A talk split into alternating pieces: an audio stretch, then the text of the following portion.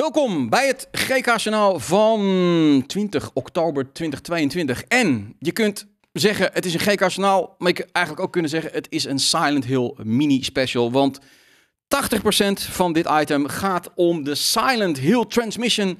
Oftewel de presentatie die we om 11 uur gisteravond hebben gezien. Waarin eindelijk de toekomst van de Silent Hill franchise uit de doeken werd gedaan. En ik kan je nu al verklappen, we zijn niet teleurgesteld. Want er zijn een aantal nieuwe Silent Hill producten uh, aangekondigd. En met nieuw bedoel ik ook echt nieuw nieuw. Met dus Silent Hill materiaal wat we echt nog niet kennen. Niet alleen maar een remake.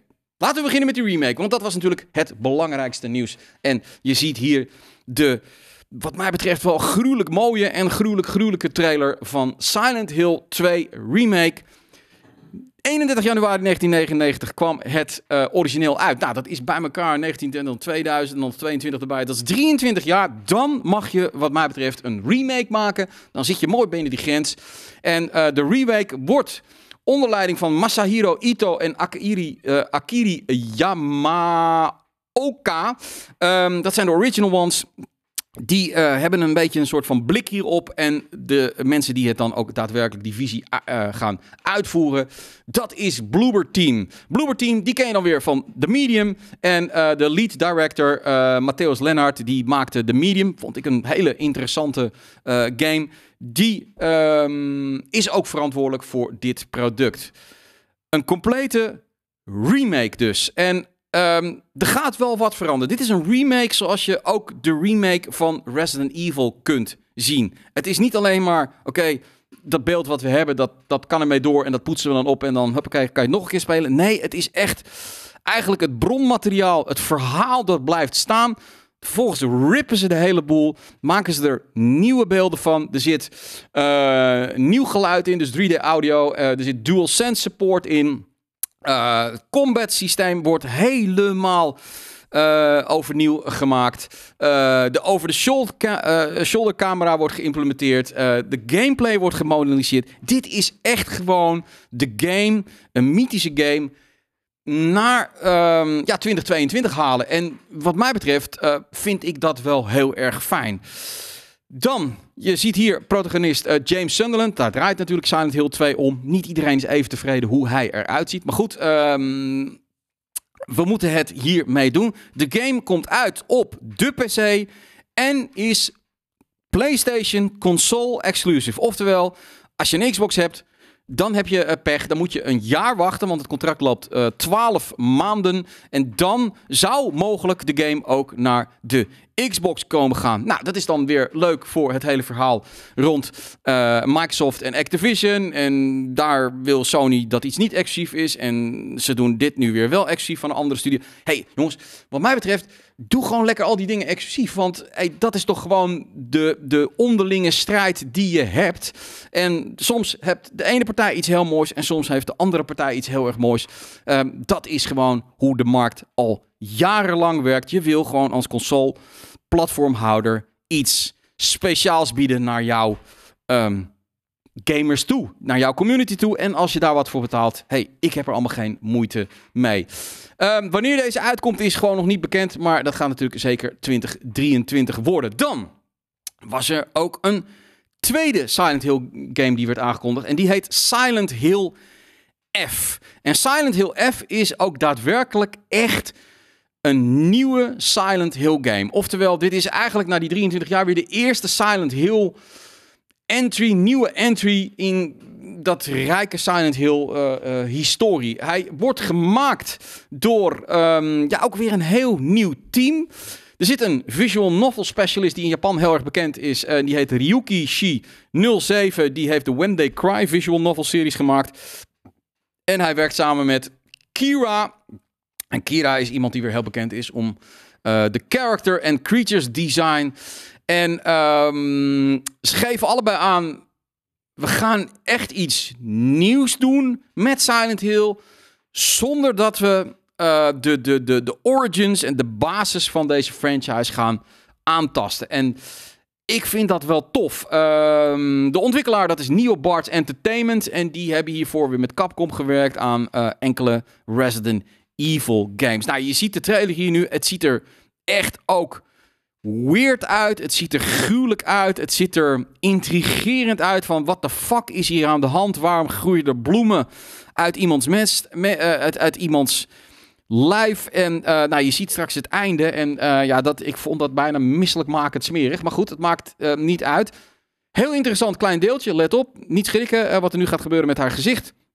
Maar een van de mensen die gaat meewerken aan deze game is Motoi Okamoto. En Motoi Okamoto uh, heeft bij Nintendo het vak geleerd, heeft daar lang gewerkt en uh, heeft gewerkt aan Luigi's Mansion en Pikmin 1 en 2. Totaal andere games, maar wel iemand die creatief, hoogwaardig is. Dus een goed team zit hierachter. En ik vind het tof dat we nu eindelijk weer eens een nieuwe, frisse Silent Hill gaan krijgen. Wanneer die uitkomt, I don't know man, maar uh, ik denk dat dat nog wel een tijdje gaat duren, misschien 2024. Ehm, maar dat die gemaakt wordt, is al heel tof. Dan was er nog een project waar geen beeld van is. Het is een beetje um, apart, een beetje, beetje ja, intrigerend wel. Het heet Silent Hill Townfall. Het wordt gemaakt door uh, No Code. En No Code is weer de, de ontwikkelaar van Stories Untold and Observation.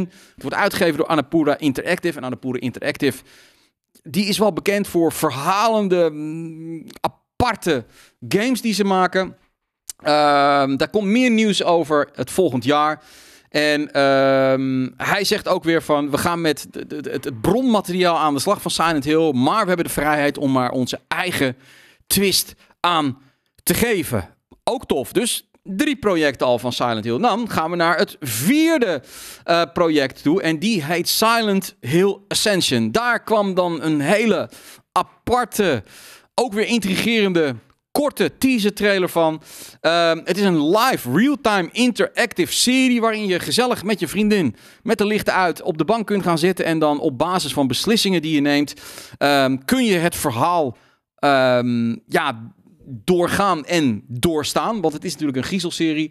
Um, er zijn een, best wel een aantal bedrijven die hiermee um, die zich hiermee bezighouden. Um, Genfit, G.G. Abrams, uh, Bad Robot Games, Dead by Daylight developer Behavior en DJ2 Entertainment. Best wel bekende namen. Dus ook hier geen simpele aanpak, geen simpel project, maar echt iets uh, met ambitie en waar best wel eens een verrassend resultaat uit kan komen. Voor de rest, we weten daadwerkelijk niks meer hiervan. Um, maar dit zou wel eens in 2023 kunnen gaan uitkomen. Dus we hebben een hele tijd geen Silent Hill gehad en in één keer worden we ermee overladen. Dan tot slot was nog een aankondiging rond Silent Hill. En dat is dat er ook nog eens een keer een nieuwe film wordt gemaakt. Die heet Return to Silent Hill. Um, die um, wordt uh, uh, gemaakt door Christophe Gans. Die ook in 2006 de Silent Hill movie heeft gedaan. Hij gaat het weer opnieuw doen. Het filmen en het casten, dat is op dit moment nog in gaat nog aan de gang. Dus het is eigenlijk nog een beetje pre-productie. Um, en dit duurt echt nog wel een tijdje voordat dit gaat uitkomen. Maar goed, ook hier weer leuk. En het, het, dit hele pakket bij elkaar laat Silent Hill gewoon weer leven. En daar kan ik eigenlijk niet meer dan uh, enkel blij over zijn. Want Silent Hill behoort tot een van mijn favoriete uh, franchises. Het is ook nog eens een keer echt een hele bekende franchise. En het bleef al veel te lang stil rond deze franchise. Gelukkig dat Konami het nu heeft opgepakt. Um, het ziet ernaar uit dat ik niet bang hoef te zijn, of we niet bang hoeven te zijn, dat dit een beetje een soort van. Ja, een beetje, beetje, beetje, beetje gewoon heel sec wordt aangepakt door low-profile uh, studio's. En dat het er allemaal niet vet uitziet en zo. Het ziet er allemaal wel heel vet uit. Er zit ambitie in, er zit vernieuwing in toffe mensen die eraan werken. Dus um, ik was wel goed gestemd na gisteravond. Nou, vanavond krijgen we dus nog weer eens een keer een andere presentatie. Resident Evil 4 gaan we daar uh, zien. Meer beeld daarvan. Dus uh, we zitten wel goed met de horrorverhalen. Ik bedoel, ik denk ook nog dat Dead Space ook nog eens een keer gaat uitkomen. Um, horrorfans zijn dus blij. Morgen in einde van de week live meer over Resident Evil 4. Dan hebben we wel degelijk ook nog wat ander nieuws. En dat is dat uh, Microsoft op dit moment, en Microsoft is met heel veel dingen bezig, maar Microsoft is ook bezig met het maken van een Xbox Store. Die moet gaan concurreren met de App Store uh, op, uh, ja, op de iPhone en uh, met Android. Um, En daar willen ze dan ja, eigenlijk een verzameling games. Dus eigenlijk gewoon de App Store en, en Android, uh, die hebben al, weet ik veel, honderdduizend, nou, dat is misschien wel heel veel, maar tienduizenden games staan daarop. Ik bedoel, als jij mobile games speelt, over het algemeen ga je naar een van die twee stores toe, afhankelijk van de telefoon die je hebt. Uh, en Xbox wil eigenlijk uh, die markt ook gaan doorbreken. Logisch, ze hebben straks de xCloud. Uh, je kunt daar ook weer uh, een Game Pass model op zetten. Ze willen gewoon alle gamers binnen die Game Pass hebben zodat je gewoon lekker de games kunt spelen tegen een vaste uh, abonnementsbedrag. en um, de vraag is natuurlijk van, oké, hoe ga je als Microsoft, een meer dan machtig bedrijf, de aanval openen op Android, op Google en Apple. Want die zijn er al jaren mee bezig. Die hebben een lichtjaar voorsprong. Dat is anders dan met Game Pass, dat nog echt redelijk ont, onontgonnen gebied is. Um, ja, Microsoft heeft geld. Maar je kan onmogelijk Apple kopen of je kan ook niet Google kopen. Uh, ze zullen iets moeten brengen wat aantrekkelijk is voor de partijen om te zeggen: we doen hun games dan daar en niet in de App Store. Um, en Microsoft zegt dan: we hebben mogelijk die tool aanwezig. En die tool, wat gaat die dan zijn? Uh, dat is dat um, het grote probleem voor heel veel developers is als zij bij wijze van spreken een mobile game op de App Store zetten, um, dan is dat bijna altijd free-to-play, want niemand betaalt meer voor mobile games. En dat betekent dus dat het draait financiën om in-game transactions. En die in-game transactions, die kun je nu niet via een eigen platform verkopen. Nee, die moeten allemaal via de App Store. Apple uh, die roomt dat flink af en er blijft maar een percentage over voor de developer. En wat zegt Xbox nu? Jullie mogen jullie eigen tools ontwerpen, jullie eigen platform om jullie in-game transactions te verkopen. En daar hebben we geen enkel probleem mee. Dat is interessant. Met name bijvoorbeeld Epic heeft hier eigenlijk al meteen op gereageerd dat ze daar echt eens heel kritisch naar gaan kijken. Je weet dat Fortnite staat nog steeds niet in de App Store. En uh, als zo'n partij overstapt, dan is dat interessant. En je ziet ook hier dat Microsoft opnieuw de tactiek gebruikt van uh, ja, de portemonnee trekken. Want feitelijk levert, levert het hun minder geld op, omdat zij dus niet de, de inkomsten van de microtransactions afromen. Nee, uh, dat geld geven ze nu aan de uh, publishers. Dat betekent dat zij minder verdienen. En zo hopen ze die markt ook te disrupten. Dat is nou eenmaal de aanval die Microsoft geopend heeft. Dat is nu eenmaal de industrie. En het is aan Apple en het is aan Google om daar een passend antwoord op te geven. En laten we hopen dat het antwoord niet de rechtbank is. Volgende week dinsdag hebben we natuurlijk weer een nieuwe aflevering van het GK Journaal.